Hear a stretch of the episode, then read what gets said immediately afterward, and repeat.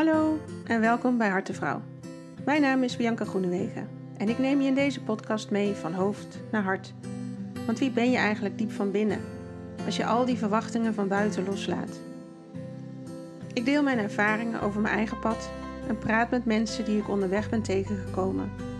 Ik hoop dat ze jou net zo inspireren als mij, zodat jij ook die sprong kan wagen van angst naar liefde. Om weer thuis te komen bij jezelf. Jouw mooie, ware ik. Ik deel met jou de echte verhalen, de successen, maar ook de zoektocht naar wie je nou werkelijk bent. Want die zoektocht kennen we allemaal. En hoe meer we delen, hoe meer we helen. Want jij, mooi mens, mag precies zijn zoals je bent. Laat je inspireren en kies je eigen pad. Ik nodig je uit. Ga je mee?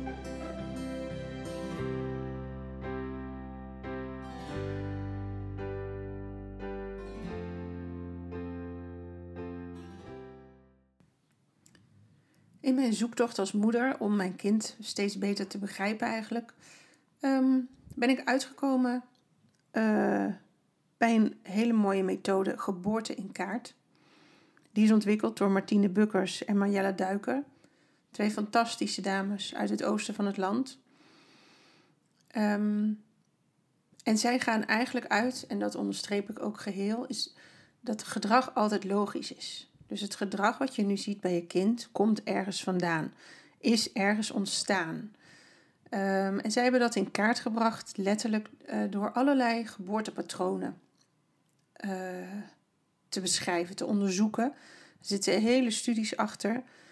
Um, en, en zij geven dus aan dat elke onderdeel van een geboorte, en dat zijn er nogal wat, kan invloed hebben en misschien heeft gewoon invloed op de rest van het leven van jouw kind. En eigenlijk dus ook van jezelf. dus wat je kan doen is jouw geboorte in kaart brengen. Um, dat, dat doe je eigenlijk alleen voor jezelf. Want jij bent als babytje, als persoon die geboren is, de enige die weet hoe het was om geboren te worden. Diep van binnen zitten daar nog heel veel herinneringen opgeslagen. Um, dus ook interessant natuurlijk om te kijken naar jouw geboorte van jouw kind. Maar dan wordt het een bevallingsverhaal, want dan interpreteer jij wat er is gebeurd. Het helpt vaak wel hoor. Het, het zegt al heel veel. Als jij het bevallingsverhaal heel duidelijk in kaart gaat brengen, kan jou in ieder geval als ouder heel erg helpen om wat meer inzicht te krijgen. Um, en zij gaan uit van elk kind heeft natuurlijk een aantal basisbehoeften. Um, en, en heel simpel misschien dat elk kind wil gezien worden. Elk kind wil gehoord worden en elk kind wil geliefd worden. En dat willen wij ook allemaal als ouders, toch? Wij willen allemaal dat onze kinderen daar het zelfvertrouwen vandaan halen. Want we houden van ze, we willen ze zien, we willen ze horen. Maar dat is niet altijd even makkelijk als dat we daar misschien zo over praten. In de werkelijkheid vraagt het best wel wat van je om altijd maar je kind te zien en niet je eigen pijn uh, te leven. Nou, en bij geboorte in kaart gaan Martine en Marjelle eigenlijk nog verder terug. Dus ze zeggen niet alleen um, die, die geboorte aan zich is heel erg belangrijk, maar het gaat nog verder. Zelfs prenataal heeft die baby behoefte. Een kindje in de buik, die vindt het heel fijn als er gewoon twee liefdevolle ouders zijn die het liefst hem niet belasten met hun bagage. dat, dat reikt ook weer terug naar het familiesysteem waar ik al vaker over gesproken heb. Um, we geven alles aan elkaar door, we geven alles aan onze kinderen door. Dus ik ben zeker na het volgen van deze cursus nog meer overtuigd hoe belangrijk het is, eigenlijk al als aanstaande moeder en misschien wel al daarvoor, um, dat je je eigen shit gaat opruimen. Want je gaat het doorgeven. Hoe graag je dat ook niet wil, hoe hard je daar ook voor werkt, het wordt doorgegeven. Daar doe je niks aan. Heb je ook niet in de hand. Als je het niet oplost. En dat komt er op een hele verwrongen manier uit. En jij gaat je op een verwrongen manier gedragen om het maar niet door te geven. Terwijl het is al doorgegeven. Maar dit is wel iets waar jij je een ongeboren kindje mee zou kunnen helpen. Is om niet jouw bagage door te geven. Hem niet daarmee te belasten. Daarnaast is het natuurlijk voor een kind super fijn als die echt gewenst is. dat die ontstaan is uit een kinderwens. En dat er een hele liefdevolle, natuurlijke conceptie heeft plaatsgevonden. En dat heb je natuurlijk niet altijd in de hand. Hè? Dus um, voel je ook niet schuldig als het bij jou niet zo op die manier gelukt is. Want dit is wat je wel kon doen. Het enige is, realiseer je dat het effect heeft op een kind. Kinderen die bijvoorbeeld uh, met ICSI geboren zijn, als er meerdere kinderen in dat gezin zijn, die zijn natuurlijk eigenlijk op hetzelfde moment verwekt. En je weet ook niet in welke volgorde ze zijn teruggeplaatst per se. Dus dat is een hele interessante. Als je merkt dat stroef loopt in jouw gezin, zou het daarmee te maken kunnen hebben.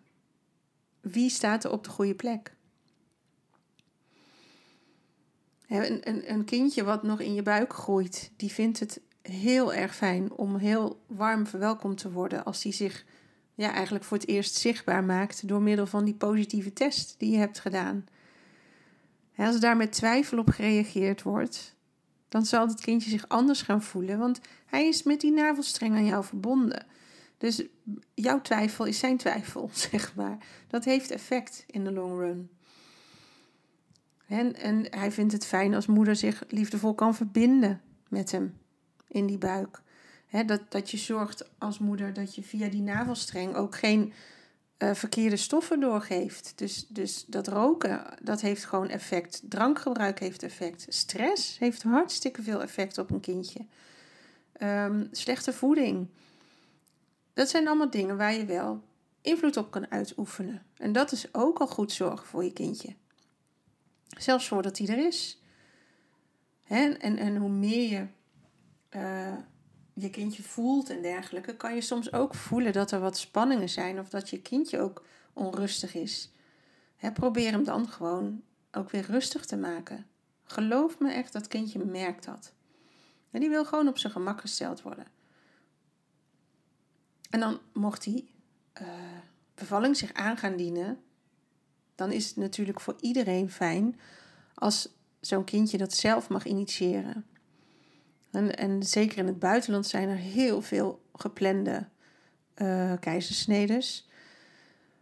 Ja, dat is niet altijd prettig. Dus dat zal effect hebben op het leven van dat kind, op, op zijn patronen en hoe die zich gedraagt. Die zal bepaalde behoeften daardoor ontwikkelen. En wanneer alles natuurlijk verloopt, hij mag dat zelf inzetten. Moeder kan ook uh, liefdevol verbinden tijdens de bevalling iets wat bij mij in ieder geval bij de eerste niet is gelukt, omdat ik daar toch redelijk in paniek raakte van de overweldigende pijn die daarmee gepaard ging. Ehm, en dat heeft inderdaad effect op mijn kind. Mijn kind is heel naarstig op zoek naar mijn um, onvoorwaardelijke aanwezigheid en liefde.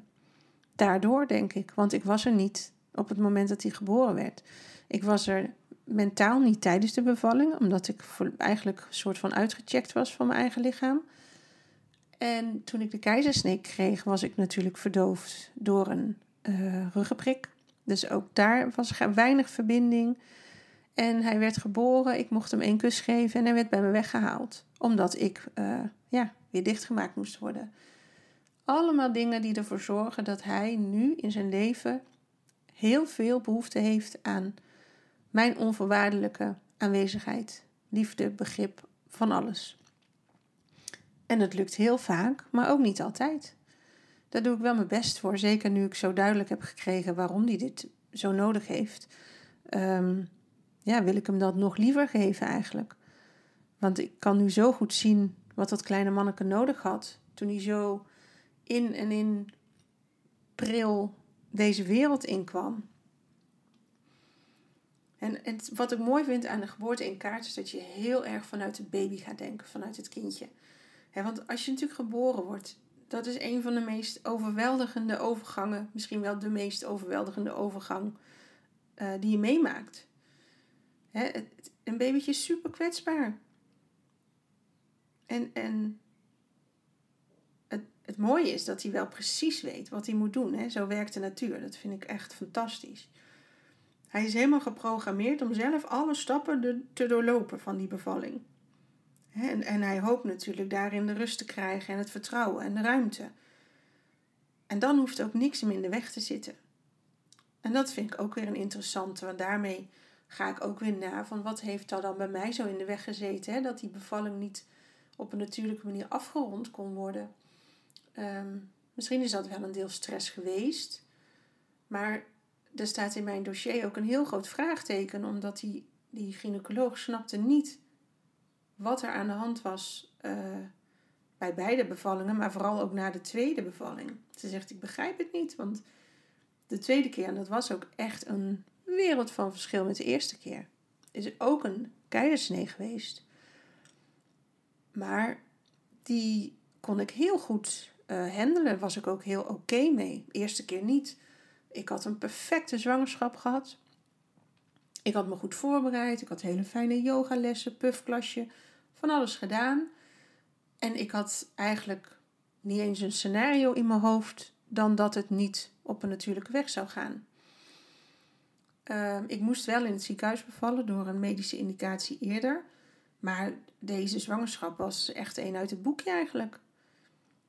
Dus nou ja, stel je mij een verbazing voor toen op een gegeven moment die ontsluiting maar niet kwam na, wat was het toen inmiddels? Ik denk 23, 24 uur.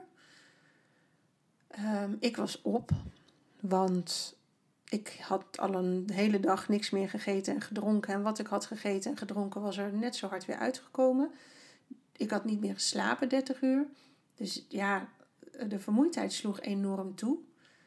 Maar ook in dat voorproces gebeurde gewoon helemaal niks.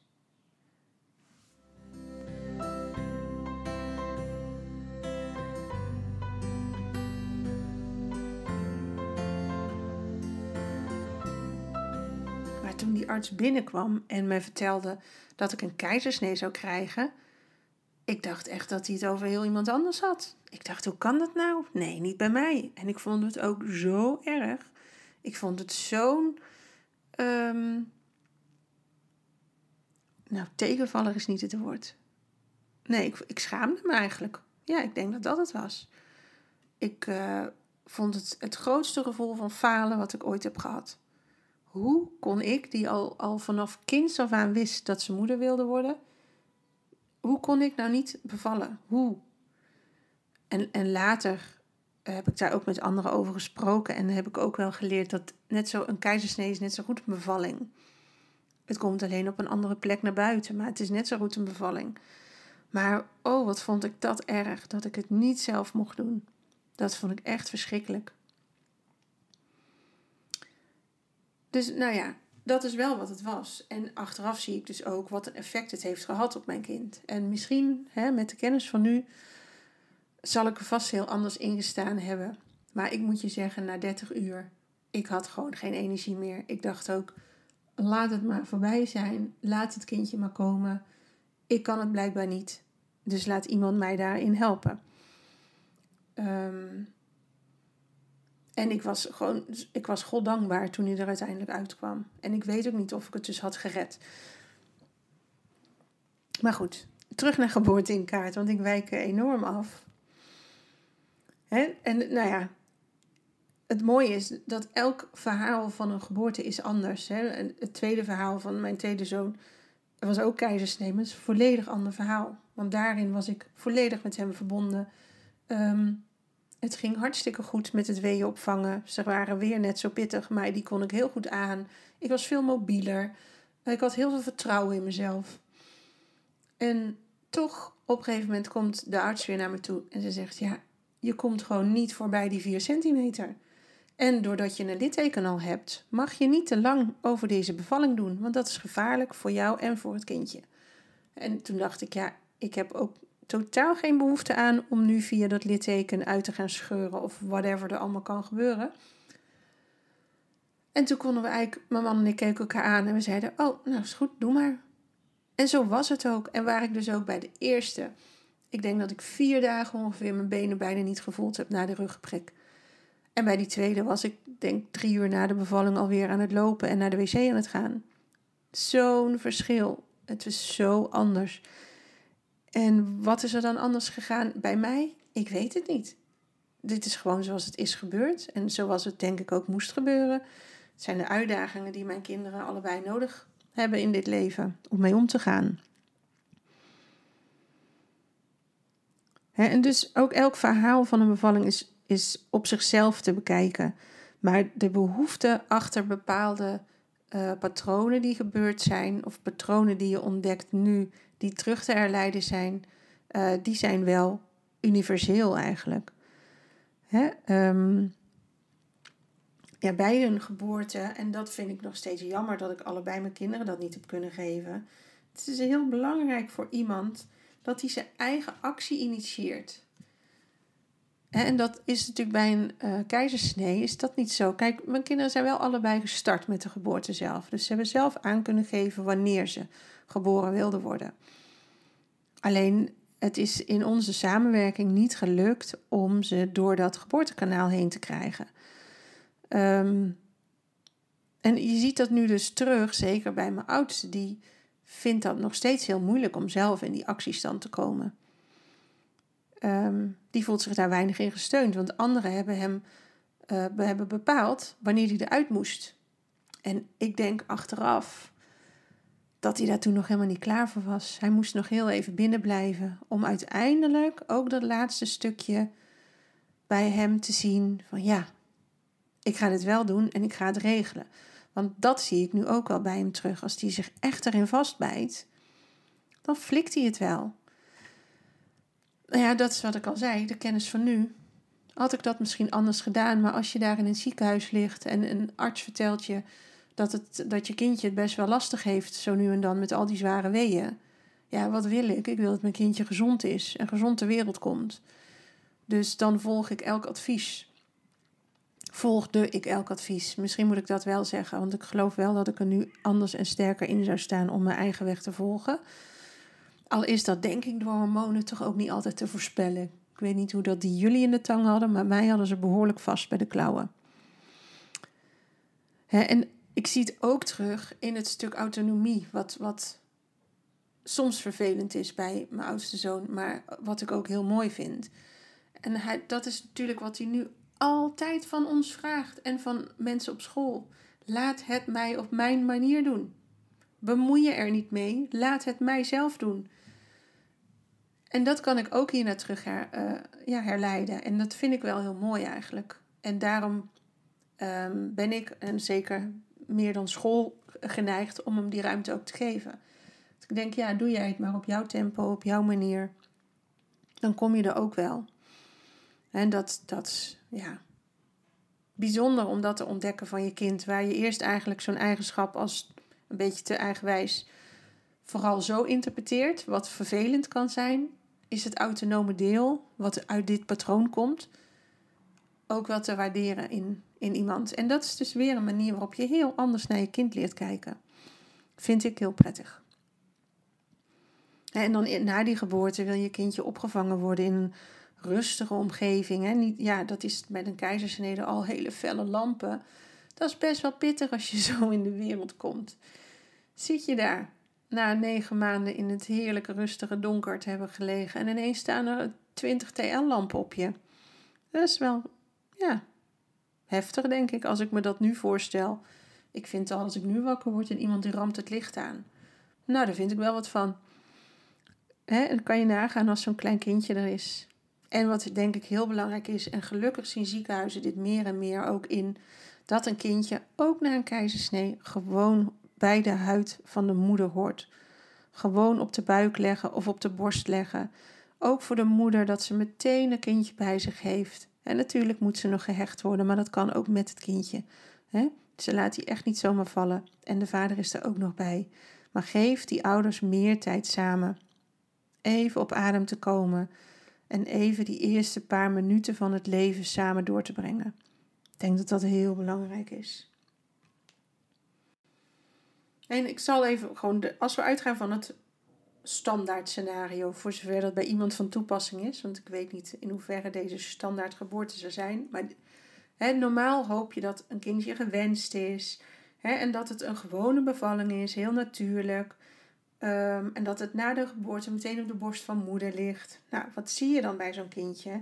Die voelt zich heel veilig. Die heeft zelfvertrouwen, eigenwaarde. He, dat is allemaal gelopen in een soort flow.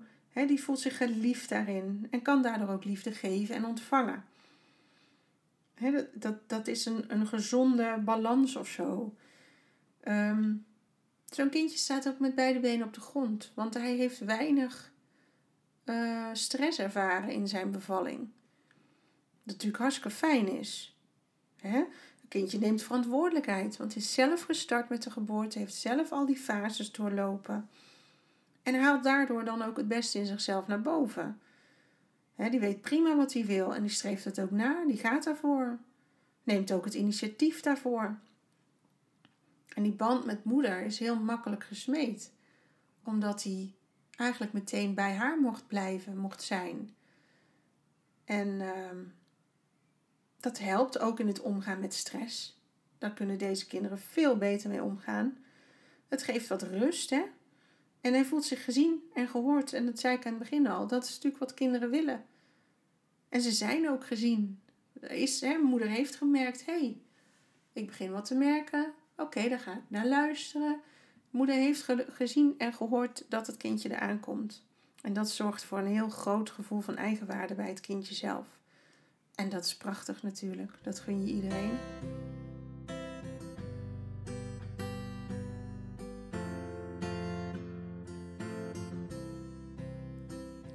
Dus hoe jij bent geboren, dat heeft echt voor een groot deel bepaald hoe dat jij in het leven staat. Of hoe je naar jezelf kijkt of de wereld om je heen dus um, ga maar eens bij jezelf na van hoe boek jij vooruitgang in het leven? En, en weet jij, dat is misschien nog een interessantere vraag als eerste te stellen, wat weet jij van jouw geboorte? Ik wist totdat ik hiermee aan de gang ging eigenlijk niet zoveel, behalve dat ik was geboren, dat het warm was op de dag. Het was in de hittegolf in 76 en dat het redelijk snel was gegaan. Volgens mij was dat een beetje wat mijn moeder had gedeeld ja, zeg nou zelf, wanneer heb je het nou over een geboorte? Over je eigen geboorte, hè? Over die van je kinderen praat je soms nog wel, maar van je eigen geboorte, ik wist daar in ieder geval heel weinig van. Maar gaan we eens kijken, ehm, hoe goed kan je kaart lezen? En zie of je dat, nou ja, is interessant om eens na te kijken. Misschien heb je wel moeite met focussen. Waarom blijf je altijd maar doorgaan? Of herken je dat je eigenlijk altijd veel te weinig energie hebt? Of misschien vind jij het heel spannend om in het openbaar te spreken. En heb je moeite om jezelf zichtbaar te maken. Heel veel ZZP'ers hebben daar last van. Dat zijn allemaal patronen die zich met jouw geboorte hebben kunnen laten zien. En dat vind ik echt zo waanzinnig. en er zijn in een geboorte zijn ongeveer vier fases, nou zes fases wellicht. En al die, hoe jij die fases bent doorlopen, dat heeft effect op hoe jij op die vragen die ik je net heb gesteld reageert, zeg maar. Want tijdens een geboorte, mind you, die baby is enorm aan het presteren. En die is alleen maar bezig met goede keuzes maken.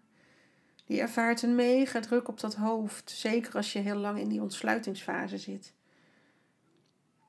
En dat kan dus voor een beklemmend gevoel zorgen. En dat kan nog steeds nu ervoor zorgen dat je wat claustrofobisch bent of dat je je ingeperkt voelt. Dat heeft allemaal daarop effect. de manier waarop jij vandaag de dag omgaat met die druk, heeft allemaal daarmee te maken. Zelfs de, de oorsprong van een hoofdpijn of bepaalde gewrichtspijnen komen hieruit voort. dus ik zal eens meenemen jullie langs de fases. Je hebt zes fases. Nou ja, vier fases eigenlijk. Je hebt de eerste indaling, waarna de volledige ontsluiting volgt. Daarna heb je dat echt het indalen in die bekken. Dan zit je heel diep in die bekken. En op een gegeven moment gaat het hoofdje staan. En dan word je echt geboren.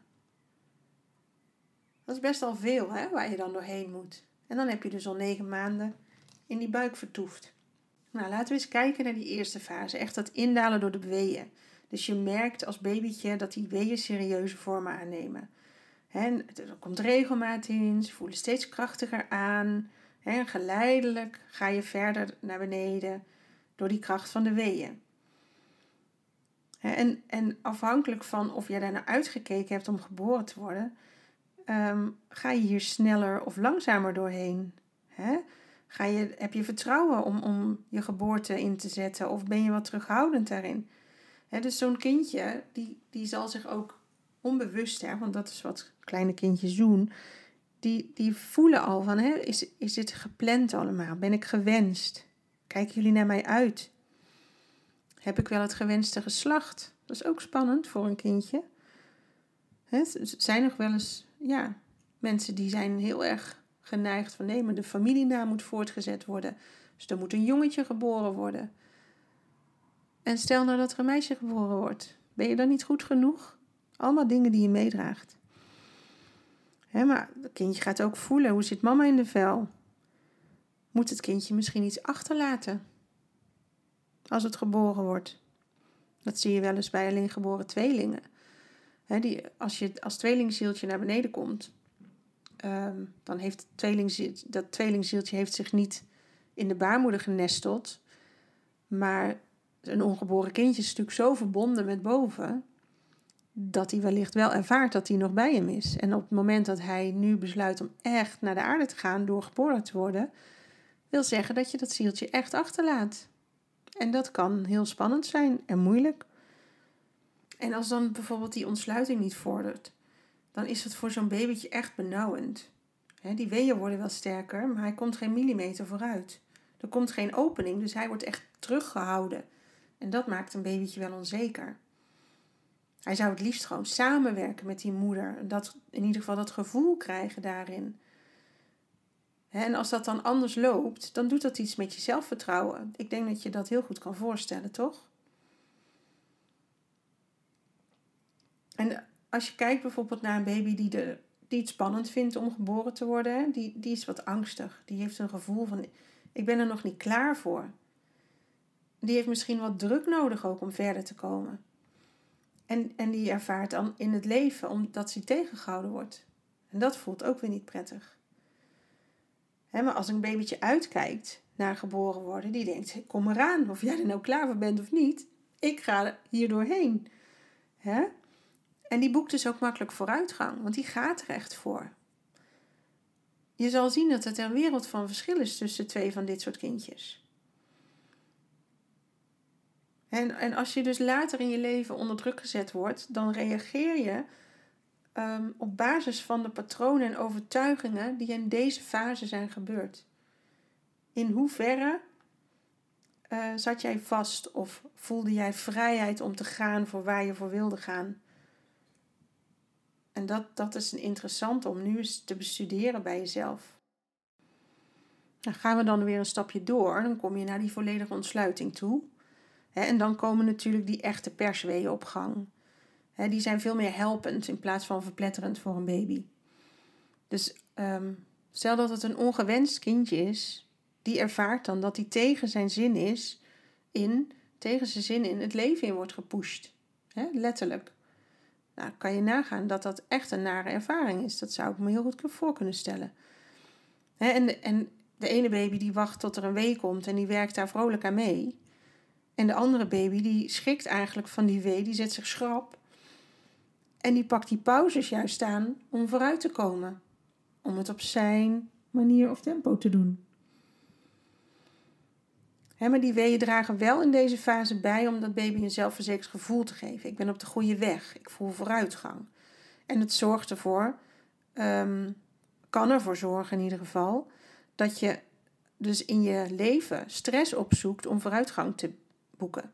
En dat is wat we natuurlijk ook altijd zeggen. Je groeit niet in je comfortzone, je groeit daar buiten.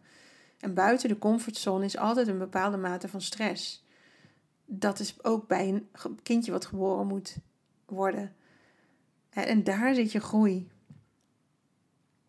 Kan ook zijn, afhankelijk van jouw ervaring, is dat het zorgt voor een imprint dat je stress vermijdt. En zelfs boos wordt als je onder druk wordt gezet. Ook dat is weer het verschil tussen hoe ben jij die geboorte ingegaan als kindje? Heb je vertrouwen gehad? Heb je het op jouw manier mogen doen? Of ben je daarin tegengehouden?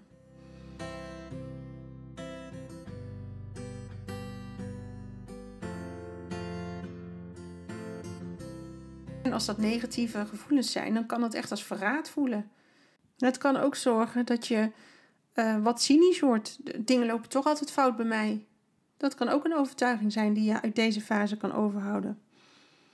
Hè, en als je dan echt door die ontsluiting in beweging bent gebracht, dan komt er toch altijd weer een gevoel van opluchting. Hè, je kan als babytje je weg naar buiten vinden. En ongeacht die stress die je voelt, weet je heel goed wat je te doen staat. En kan je ook wel rekenen op de support van je moeder. Dan ga je naar de volgende fase, dus echt richting die bekken. Dat kan ook weer zorgen voor verwarring. van welk pad moet ik nou wel of wat moet ik nou niet doen? Kan ik op mijn keuzes wel vertrouwen? En wat je ziet als geboortepatroon in deze fase is uh, concentratieproblemen. Of dat kinderen dromerig of afwezig zijn. Maar ook mensen die moeite hebben met kaartlezen. Gek hè? Dat kan voortkomen uit deze geboortefase. Echt het indalen naar het bekken net voor het hoofdje staat. Maar angst om de weg kwijt te raken hoort er ook bij. Moeite met keuzes maken. Hé, hey, en wie heeft dat niet? Die herken ik bij mezelf heel sterk. En dit is best wel een lastige fase voor het kindje, want um, je, je kan eigenlijk maar op één manier het beste door de bekken heen. En uh, er zijn heel veel manieren waarop een baby kan indalen. En toch probeert hij steeds om de juiste manier aan te nemen. en dat, ja, dat zal de natuur zijn die dat zo heeft uh, bedacht. Maar stel dat een vrouwelijk bekken even wat afwijking heeft van binnen, dan kan dat een reden zijn voor die baby om anders te gaan liggen. Maar ook uh, met pijnmedicatie hè, of een ruggenprik kan zo'n kindje zo suf of gedesoriënteerd zijn dat hij nooit meer op de juiste manier door die bekken heen kan draaien. En een kindje maakt altijd zo'n draaibeweging daardoorheen. En dat is ook goed om bij jezelf af te vragen. En achteraf had ik daar ook veel meer. Ja, ik had daar wel meer voorlichting over willen hebben. Wat pijnbestrijding en een ruggenprik doen met het wezen van een kindje. Ehm, bij mij, in ieder geval mijn oudste, ik weet niet of de jongste het ook had eigenlijk. Maar mijn oudste heeft ook een elektrode op zijn schedel gehad. En ik dacht het serieus dat het een plakkertje was. Dat is geen plakkertje, jongens. Dat is gewoon een schroefdraadje. En nee, hij is niet super groot, maar het is een schroefdraadje. In het hoofd van een hele kleine baby. Ik vind daar wat van, nu ik weet hoe dat ding eruit ziet. Ik had het liever niet gehad. Maar ook toen het werd gezegd: het is goed voor je kindje. Uh, we willen hem goed in de gaten kunnen houden. Ja, dat wil ik ook niet liever. Ik wil dat hij gezond is en wel. En, en ik wil niet dat hij gevaar loopt omdat ik iets niet goed zou doen of omdat, uh, ja, omdat de bevalling niet goed op gang komt of dergelijke. Nou, door naar de volgende ronde natuurlijk. Hè. Als je kindje die twist gemaakt heeft in die bekken, dan uh, komt echt een enorm overweldigende fase. Want dat is het puntje net voordat dat hoofdje staat. Dus hij is er bijna. Maar kan je voorstellen hoe krap het daar is waar hij op dit moment zit. Hè? Dus dat zijn ook gevoelens van wanhoop, van hulpeloos. Van het voelt als een enorme strijd. Ehm, als ik stop, overleef ik het niet. Kan het kindje ook daarbij denken. Hè? Het heeft weinig energie. En als deze fase niet goed doorlopen wordt, kan je dat later ook terugmerken uh, in het leven en dan komt dat stukje dat het hoofdje staat. Ja, dan merkt hij van hé, hey, maar als ik hard werk, dat loont. Ik ben er nu wel, ik kan er wel wat bereiken. Dus ik, ben, ik ga vooruit, ik ga dit vol, volbrengen. Ik, ik, uh, ze gaan mij zo meteen zien. En dat zijn hele mooie uh, patronen natuurlijk die je mee kan nemen uit je geboorte. En dan wordt je kindje echt geboren. Hè? Hij gaat van een wereld waarin hij in water zat naar een wereld van lucht. Naar een plek waar het altijd lekker 37 graden was. Waar, naar een plek waar het meestal rond de 18, 20 graden is. Koud, jongen, zo'n overgang. En hij gaat van het eeuwige donker eigenlijk naar het te felle licht. Een plek waar je altijd maar hele zachte, gedempte geluiden hoorde in die baarmoeder een plek waar gewoon hele harde geluiden zijn. Zeker als het een operatiekamer is, maar ook uh, gewoon in een ziekenhuiskamer of thuis in de kamer. Het wordt niet meer gedempt, er zit geen filter meer tussen. Maar hij gaat ook naar een wereld waarin hij beperkt was. begrensd, omdat hij geen ruimte had letterlijk, naar een open ruimte. En hoewel dat heel bevrijdend kan zijn, kan het ook heel spannend zijn. dat is ook waarom we kinderen natuurlijk inbakeren in het begin, omdat ze dan die veilige ruimte weer voelen. En voor de longen is het ook een klap. Die moet ineens zelfstandig gaan ademen. en, en de shock van een geboorte kan ook vastzetten in gewrichten, zodat hij zijn lijfje van schrik samentrekt en in een soort kramp schiet. Misschien herken je dat wel bij je kindje. En dat heel snel doorknippen van die navelstreng vond ik ook wel achteraf gezien heel jammer. dat is het hele snelle scheiden van de moeder. Dat is best wel een schok. Daar was hij nog helemaal niet aan toe. En ook dat kan je kindje meedragen. En nogmaals, wat ik zeg, het is allemaal niet fout. Want dingen gebeuren ook in de hectiek van het moment. In jouw onwetendheid, want dat is er ook.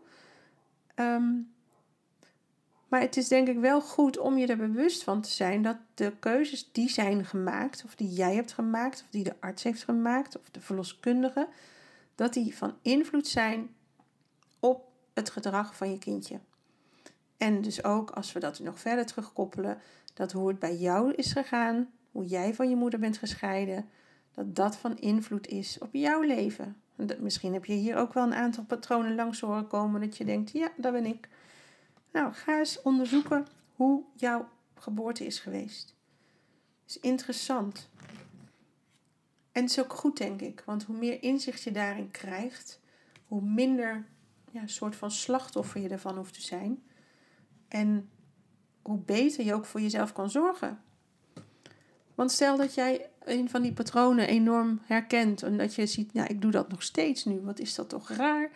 Je keurt jezelf elke keer af daarop. Waarom zou je dat doen? Als het bij jouw geboorte al is bepaald dat, dat dit daarbij hoort, zeg maar. Waarom zou je dat dan niet omarmen en wat, wat liever zijn voor jezelf?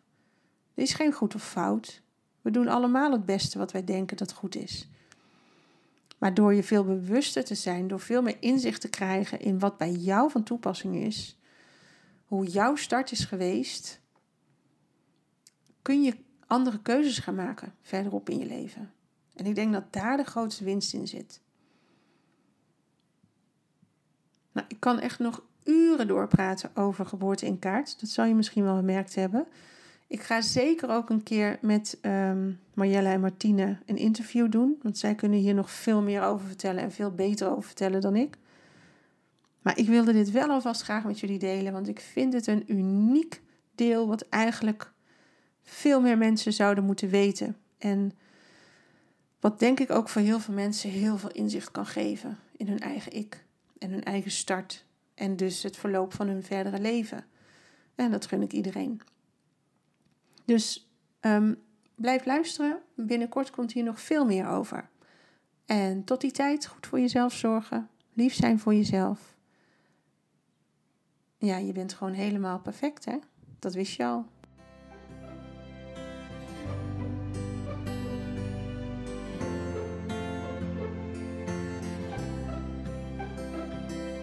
Dat was Hartevrouw voor deze week.